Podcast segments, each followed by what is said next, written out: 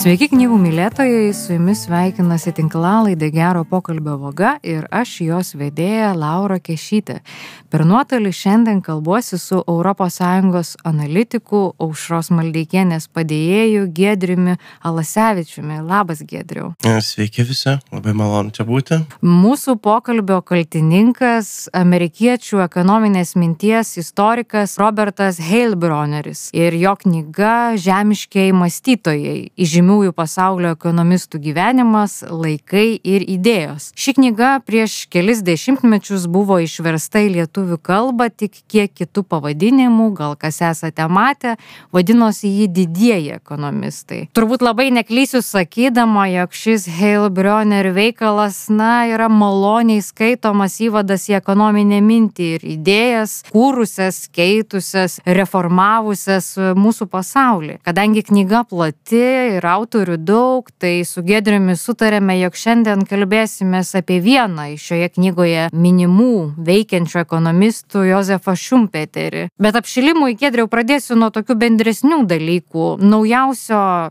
knygos leidimo vertėjas yra profesorius Jonas Čičinskas. Jis beje man dėstė Vilniaus universitete ekonomikos teoriją. Nors prisipažinsiu, mano tokia organiška pažintis su ekonomikos teorijomis ir mąstytojais atėjo per filosofiją. Koks yra tavo santykis su ekonomikos teorijomis, kokie autoriai, ekonominės minties mąstytojai tau imponuoja? Tai aš e, galbūt e, tuomet ir pradėsiu nuo, nuo to, kame man atrodo šitos knygos didelė vertė yra ir kodėl, kaip ir pati paminėjai, taip maloniai skaitosi. Aš tiesa skaičiau originalo kalbą, angliškai.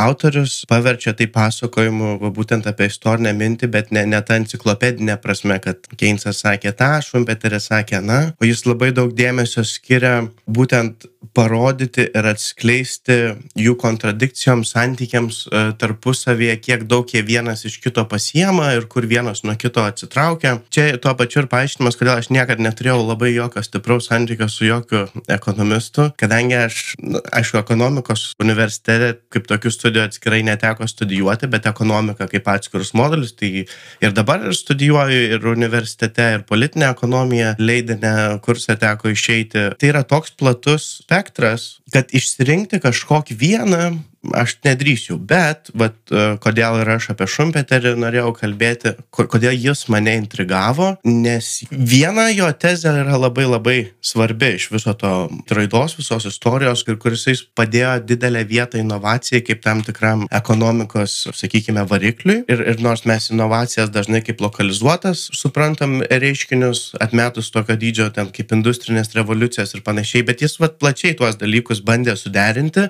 ir man atrodo, tai yra labai svarbu. Vien už tai jis yra nusipelnęs tam tikro nuopelno, ypatingai augant Lietuvoje, kur ta, sakykime, iš viešosios erdvės perspektyvos žiūrint ekonominė mintis tokia nuskurdinta ar labiau istoriniais naratyvais, ar ten Marksas, ten tas, bolševikai kažkokie, ar ne, čia laisva rinka, išsigelbėjimas nuo komunizmo, tas mūsų traukia į tokį, sakyčiau, išskirtinai iškreiptą sampratą, o Šumpeteris, pripažindamas tam tikrus ir kapitalizmo trūkumus, jisai padėjo inovacijas, kaip tą minėtą variklį. Ir jis dar leido suprasti, kad yra toks dalykas kaip tikėjimas. Ką labai pabrėžė Raudras knygo, kuo jis iš tiesų ir baigė Šumpeterio visą e, pavadinimą, tai tikėjimo svarba, tikėjimo pačiu kapitalizmu, tam, kad kapitalizmas išgyventų pagal Šumpeterį. Aš noriu truputėlį į ateitį taip žvilgtelti. Paminėjai, kad dažnai Lietuvoje yra tas istorinis diskursas, o tiek Šumpeteris, tiek ir Keynesas turėjo savo vizijas, kaip tas kapitalizmas gali vystytis. Bet aš pradėsiu nuo tokios klišinės frazės, kuri prieš keletą metų internetuose siautė, gal esi matęs, kad ekonomika tai yra astrologija vyrams. Na, tai ir skaitant šią knygą būtų galima tokios išvados prieiti, nes vyrai sėdi ir spekuliuoja apie tai, kaip keisis pasaulis arba apie tai, kaip jis veikia. tai aišku, čia turbūt lyčių lygybės diskurso elementas e, atsiranda tame, e, bet aš manau, kad e, net ir Lietuvos, na, nu, aišku, gal politika ne ekonominė mintis, bet pažiūrėjus politinės realijas, tai turbūt su ekonominiais ekspertais bent jau politiką labiau asocijuotume moteris negu vyrus. Aš kaip tik galvau, kad nesiūlysiu tos seksistinės dalies analizuoti, bet man įdomus yra tas palyginimas tarp astrologijos ir ekonomikos, būtent tą galimybę prognozuoti arba nuspėti ateitį. Keynesas yra publikavęs tokį esė 30 metais pavadinimu Mūsų vaikaičio ekonominė gerovė kurioje jisai žvelgia, o kaipgi atrodys 2030-ieji. Jie mums visai jau nebetoli yra. Pacituosiu iš knygos, ką jisai rašo. 2030 metais Keynesas sakė, kad ekonomikos problema bus išspręsta. Ne dabartinės krizės, bet apskritai pati ekonomikos problema šimtametė visiems užtekti negali byla. Ir pirmą kartą istorijoje žmonija, ar bent jau Britų žmonija, galės pakilti iš grumtynių dėl poreikių patenkinimo į naują aplinką, kurioje visai nesunkiai kiekvienam bus suteikta dosni dalis prie bendro visuomenės stalo. Ir ir su kiekvienu amžium, su kiekviena karta žmonės vis labiau įdirba mašineriją, naudoja naujas žinias ir tam 20-ojo amžiaus 70-ame dešimtmetyje gamyklų darbininkas Junktinėse Amerikos valstijose rėmėsi tokiomis technologinėmis galiomis, kad jis buvo, kaip rašo autorius, supermenas palyginus su savo seneliu dirbusi po pilietinio karo. Mano klausimas, kaip tu vertini ekonomikos, ekonomikos teorijų, prognostinės galimybės, va, prisimenant šitą esė, kurią parašė Keynesas, tarp kitko, na, ekonominės krizės laiku. Tai čia vėl atsiranda tam tikra paralelė tarp Šumpeterio ir, ir, ir Keyneso, vėl apibrėžiant ir jų santykius, kur Šumpeteris irgi sakė tais labai niuriais laikais, kada visi bijojo ir laukė kracho, kad, kaip jis ten pavadino, krizės dušu kuris reikalingas. Ir autorius dar sako, kad universitete ne visi žinojo, kas tas duš prancūziškai yra tas klausimas yra labai sudėtingas, nes ekonomikai viskas yra apibriešta santykiniais dydžiais, ne absoliučiais.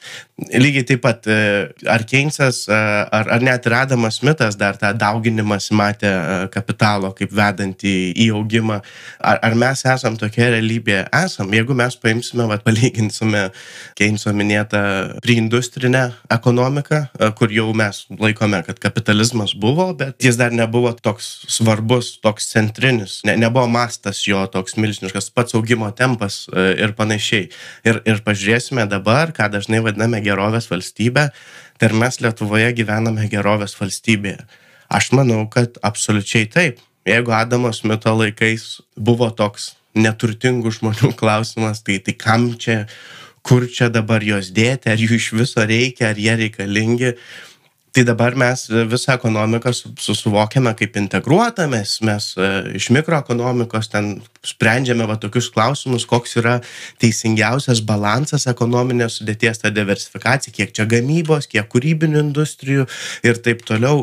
Ir, na, sakykime, pirmajame pasaulyje badu tikrai niekas nemiršta ir jungtinės tautos ten kelia tokius tikslus, kaip apskritai sunaikinti badą pasaulyje. Aišku, patys, pavyzdžiui, skurdo savoka juk radikaliai pasikeitė. Toks dalykas kaip universali sveikatos apsauga, mes galbūt jos neįvertinam ir tai yra šiuo momentu, man atrodo, pats didžiausias iššūkis, net ir labai pažangiom valstybėm kaip Skandinavijos, bet visa tai yra ir, ir, ir darbo yra, ta prasme, kiekvieną dieną vat, mes ten lyginam, kiek čia bedarbių, o kiek darbo vietų. Mano akimis, sausai kaip Keynesas irgi buvo įpratę žiūrėti į ekonomiką pagal tai, kiek pagamina, e, lietuviškai turbūt reikėtų sakyti, tai mes turim pakankamai visiems tačiau čia atsiranda turbūt jau labiausiai Marksas ten ir panašiai tie, kurie labiau žiūrėjo ekonomiką per santykį ekonomikos dalyvių vienas su kitu. Tai aš į prognostiką žiūriu skeptiškai ir man atrodo, čia yra tokia, nu, ta, ta pati tiek Keyneso, tiek Šumpeterio prognozių ar Markso vertė, jinai, nu, jinai yra ribota, nes gerai, mes atsidūrėme galbūt šiame pasaulyje, bet ką tai reiškia, problemos tai niekur nedingo, ar ne? Ekonomika tikrai ne, ne, nesibaigė kaip mokslas, tiesiog pasikeitė tų, tų problemų prigimtis. Beje, Šumpeteris gal galėsi plačiau pakomentuoti, jisai turėjo kiek kitokį požiūrį į tą ilgalaikę kapitalizmo perspektyvą, kad trumpuoju laikotarpiu kapitalizmas brėžia ilgą trajektoriją aukštyn, Bet vėliau jisai lyg ir kėlė klausimą, ar kapitalizmas gali išlikti, ne aš nemanau, kad jis sugebės išlikti. Ir čia priejas Lavoj Žyžekas ir sako, lengviau įsivaizduoti pasaulio, bet ne kapitalizmo pabaigą. Tai kaip pats supranti šitą Šumpeterio poziciją, jisai buvo toks prieštaringas mąstytojas, bent jau Heilbrioneris vis tą knygą pabrėžia. Čia ta jo vadinama, nežinau kaip lietuškai tiksliai išverčia, bet kūrybinė destrukcija ar kuriamoji destrukcija, ta jo teorija tai bet čia atsiranda vat būtent kaip kaip ir e, helbroneris e, pažymi kad šita prognostika yra ir labai netipiška e, iš iš ekonominės perspektyvos nes ji nėra grįsta analize jinai yra grįsta labiau tokiu sociologiniu socioantropologiniu vertinimu. Kai šumpeteris sako kad tai ateina tas kapitalizmas principe įsigalina visuomenę ta visuomenė kai kurios institucijos hierarchinės galbūt ar panašiai ten griūva bet ta galia griovimo jinai nesustos ir žmonės ten norės daugiau ir tai eis toliau ir tai ves susinaikinimą lyg lyg atsiras kažkokia inercija. Na ir jis labai daug dėmesio iš tikrųjų teikia tokiam labiau marksui būdingam mąstymui kurį jis ten irgi e, skaitė ir labai vertino nu kaip ir oponentą intelektualinį tokį kad e, lemiamoji dalis šito reikalo yra labiau klasinė vėl čia turim grįžti prie jo teorijos. Jeigu pagrindinis variklis ekonomikos yra a, tie inovatoriai entrepreneriai kaip jisai kalba ir taip toliau bet jis pats sako kad jie nėra jie net patys jie įgalina pavyzdžiui tokį dalyką kaip pelnas kitiems, bet jie patys nėra labai svarbi visuomeninė jėga.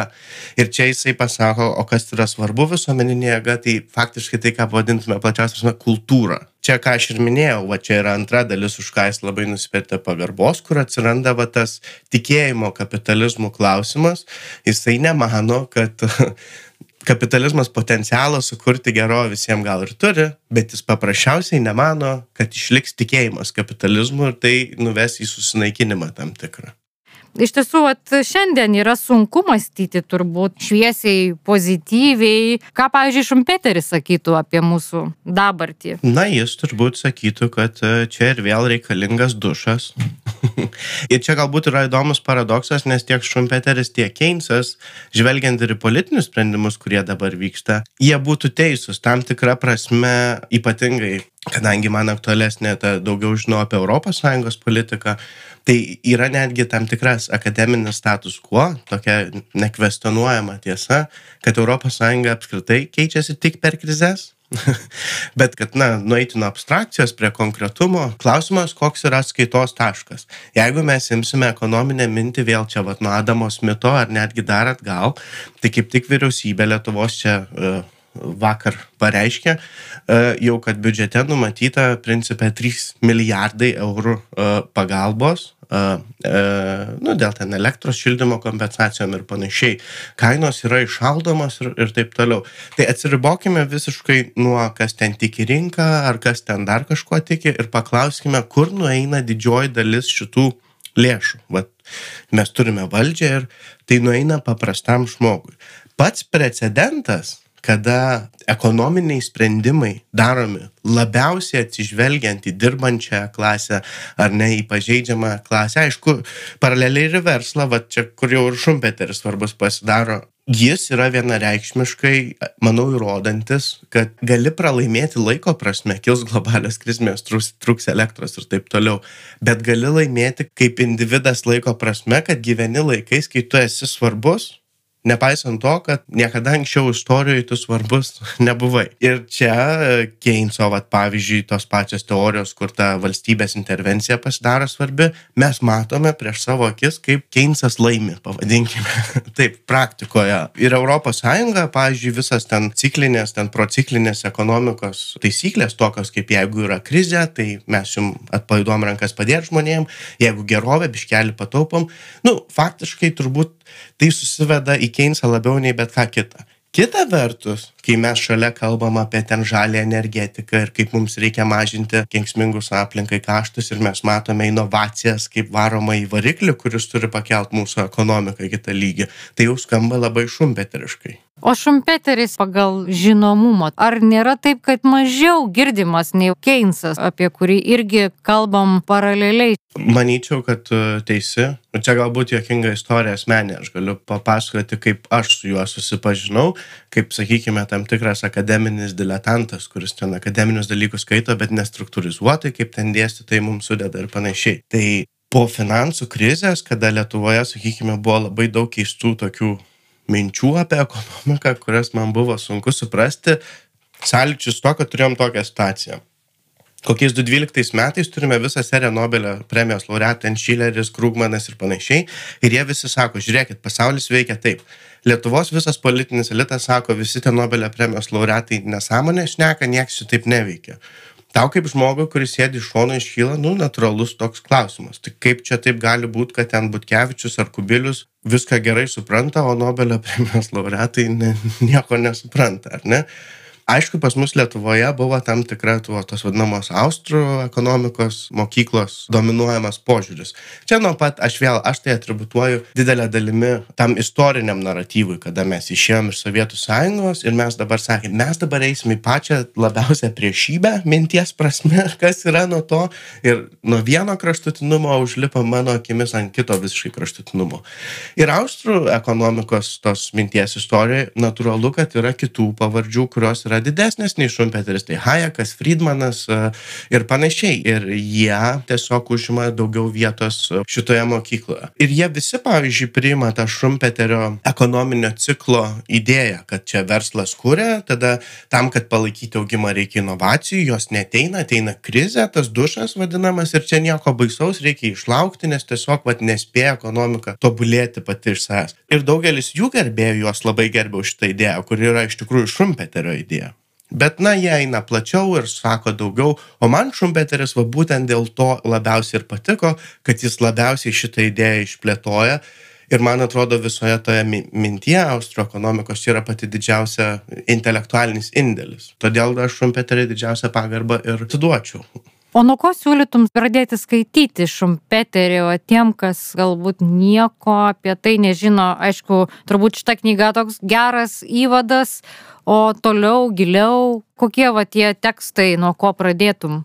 Iš manęs primti tokias rekomendacijas pavojinga, nes yra žmonių, kurie sausai akademinė prasme daugiau žino, aš atinu labiau iš tokio kultūrinio elemento, labiau ieškantis prieš priešos tai, kas Lietuvoje dominuoja. Bet Yra labai puikia knyga Džoelio Mokyro, pavadinimas yra augimo kultūra. Ir iš tiesų ta visa knyga yra apie labai stipriai išplėtotą tą šumpeterišką mintį, tik tais, na, ji, ji yra neskirta šumpeterio idėjai, bet labiau idėja apie inovacijos svarbą, apie technologinio augimo svarbą ir kaip visą tai konverguoja su ekonomikoje. Man atrodo, kad aš čia pats paspekuliuosiu, jeigu Šumpeteris būtų gyvas mūsų laikais, tai jisai kalbėtų panašius dalykus, aš taip spėčiau, kas tenais parašyta. Nu, ten yra labai daug dėmesio ir daug iliustracijų ir pavyzdžių šitiem dalykam, ką ir Šumpeteris sako, kodėl ten monopolijos nebūtinai blogos yra, nes vis tiek rinka išstumia tas pasenusias technologijas ir tu gali sukurti monopolį, tai gal tu sumesi resursus ir patobulinsi ir tai vis tiek žmonėje nuneš šiek tiek į priekį. O gal tu užstabdysi visą augimą naudodamasi savo, sakykime, privilegijom, tai kažkas kitas sukurs naujovę ir tas tavo turtas visas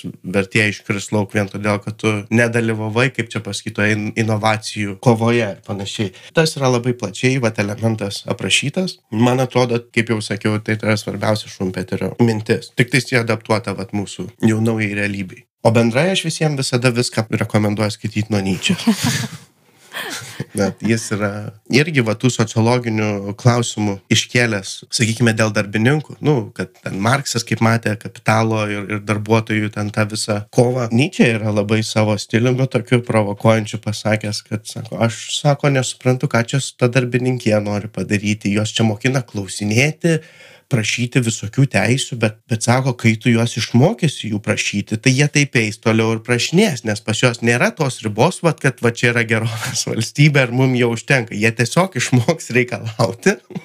ir čia labai ir ja, kuris labai buržuazijai daug svarbos būtent dėl to teikia, kad jį yra tas mišinys, na, šiais laikais jau nekorektiška taip kalbėti, bet tam tikros kultūrinio sluoksnio minties ir ekonominės klasės. Galvoju apie laiko tarpsnį, kada rašė Šumpeteris ir kokiame laike mes dabar gyvenam. Ar jis jau turi tokių niuansų, kad skaitai ir jau turi suprasti, kad tai yra kito istorinio laiko žmogus, Ar vis dėlto jisai mums, na, labai labai artimas tomis savokomis? Pagalvojau, kad žodis įmonininkas arba entrepreneris tai visai neseniai Lietuvoje madingų patapo. Čia dabar visi entrepreneriai, įmonininkai ir gal net truputėlį sugadinta pati savoka, nes net nebeaišku, ką jinai reiškia. Aš nežinau, nes klausimai, dilemos išliko tos pačios kaip ir Šumpeterio laikų šiaip jau. Jis galbūt bandė konceptualizuoti, ar net jis atėjo ir konceptualizavo tuos entreprenerius. Bet problema išlieka, mes vis tiek klausim, iš kur tas augimas atsiranda. Kas veda mūsų ekonomiką, civilizaciją į priekį, kokia technologijų svarba. Tai tie klausimai niekur nedingo jis pavyzdžiui irgi skeptiškai žiūrėjo į tokius dalykus kaip antai kad dabar valdžia bando ten su startuoliais struktūrizuoti inovacijų procesą. Čia mes čia biškį pinigėlį dėsim čia inkubatorių kažkokį padarysim. Ir iš tiesų vat pavyzdžiui kiek jau ten tos informacijos e, yra kas yra labai sunku startuolius tyrinėti nes nu daugiau nei devym devyni procentai jų netampa niekuo iš tų, kurie tampa vėl ten 9-5 procentai greitai dinksta, mes ten kalbam apie tokį, tai klausimas, ką tu tirsi, e, nes tai atrodys labai liūdnai. Nu, ir jie nelabai kuria didelės ekonominės pridėtinės vertės, jinai dažniausiai lokalizuota, patys, patys šitas startuolių kultūra yra toks dalykas, kaip pats geriausias dalykas, ką gali padaryti sėkmingas startuolių, tai parduoti. ir, bet čia irgi yra klausimai, kurie labai, nu, šumpeteriški savo prigimtimi, nes tai kokia, vad, kas tas entrepreneris būtent yra. Ir, ir aišku va čia šumpeteris būtų labai mm, naudingas nes jis pasakytų kad čia jokie startuoliai nėra čia jokie entrepreneriai nes entrepreneris gali būt bet kas. Tu, tu negali nuspėti. Ir, ir mes užaugome ant legendų apie bilus geitsus ten jeff bezosus ir panašiai kurie turėjo pagalbos kitaip negu jų legendose visi, nes nesu girdėjęs istorijos, kur tiesiog genijus sukūrė kažką ir atsirado Microsoftas. E, pavyzdžiui, Gates atveju be jo mamos greičiausiai ne, nebūtų įvykusi visa ta revoliucija, kad ir kaip keistai beskambėtų. Bet vad mes užaugom ant šitų metų, o dabar jis sako, mes čia padarysim kelią kažkokį procesą, kaip visi čia jais būsim. Tai man atrodo, čia yra didžiausia kontradikcija ir čia yra kažkas ką šumpeteris matė teisingai nors jis jį kaltina vat pavyzdžiui ir Helbroneris tokiu prieštaringumu. Bet mes irgi gyvenam kontradikcijose nuolatos. Mes prašom pašnekovų, kad jie rekomenduotų knygą ar knygas šiems metams ar apskritai gyvenimui. Ką siūlytum paskaityti, kas patį tave įkvėpė ar sudomino, ar atradai kažką visiškai naujo? Na tai vieną aš jau parekomendavau, kaip sakiau, tą augimo kultūrą Joel Mokyro, jo labiau New Yorkerio Adamas Gopnikas labai susižavėjęs tą knygą, o čia toks žmogus, kurio rekomendacijas visada verta gerai priimti. O antra knyga aš galbūt iš tiesų rekomenduočiau ne tiek knygą, kiek temą. Tai nu, yra konkrečiai tokios istorinės asmenybės e, Tomo Peino, ypatingai biografiją, skaityti net ne jo veikalus. Kristoferis Hitchensas gal dar 26 metais labai gražią biografiją išreiškė vien todėl, kad tarp šitų ekonomikos visų žmonių slypi kita tema. Tai va yra, kaip mes juos vertinam. Turiu omeny, kaip visuomenės vertina. Pas mus marksizmas yra keiksmažodis.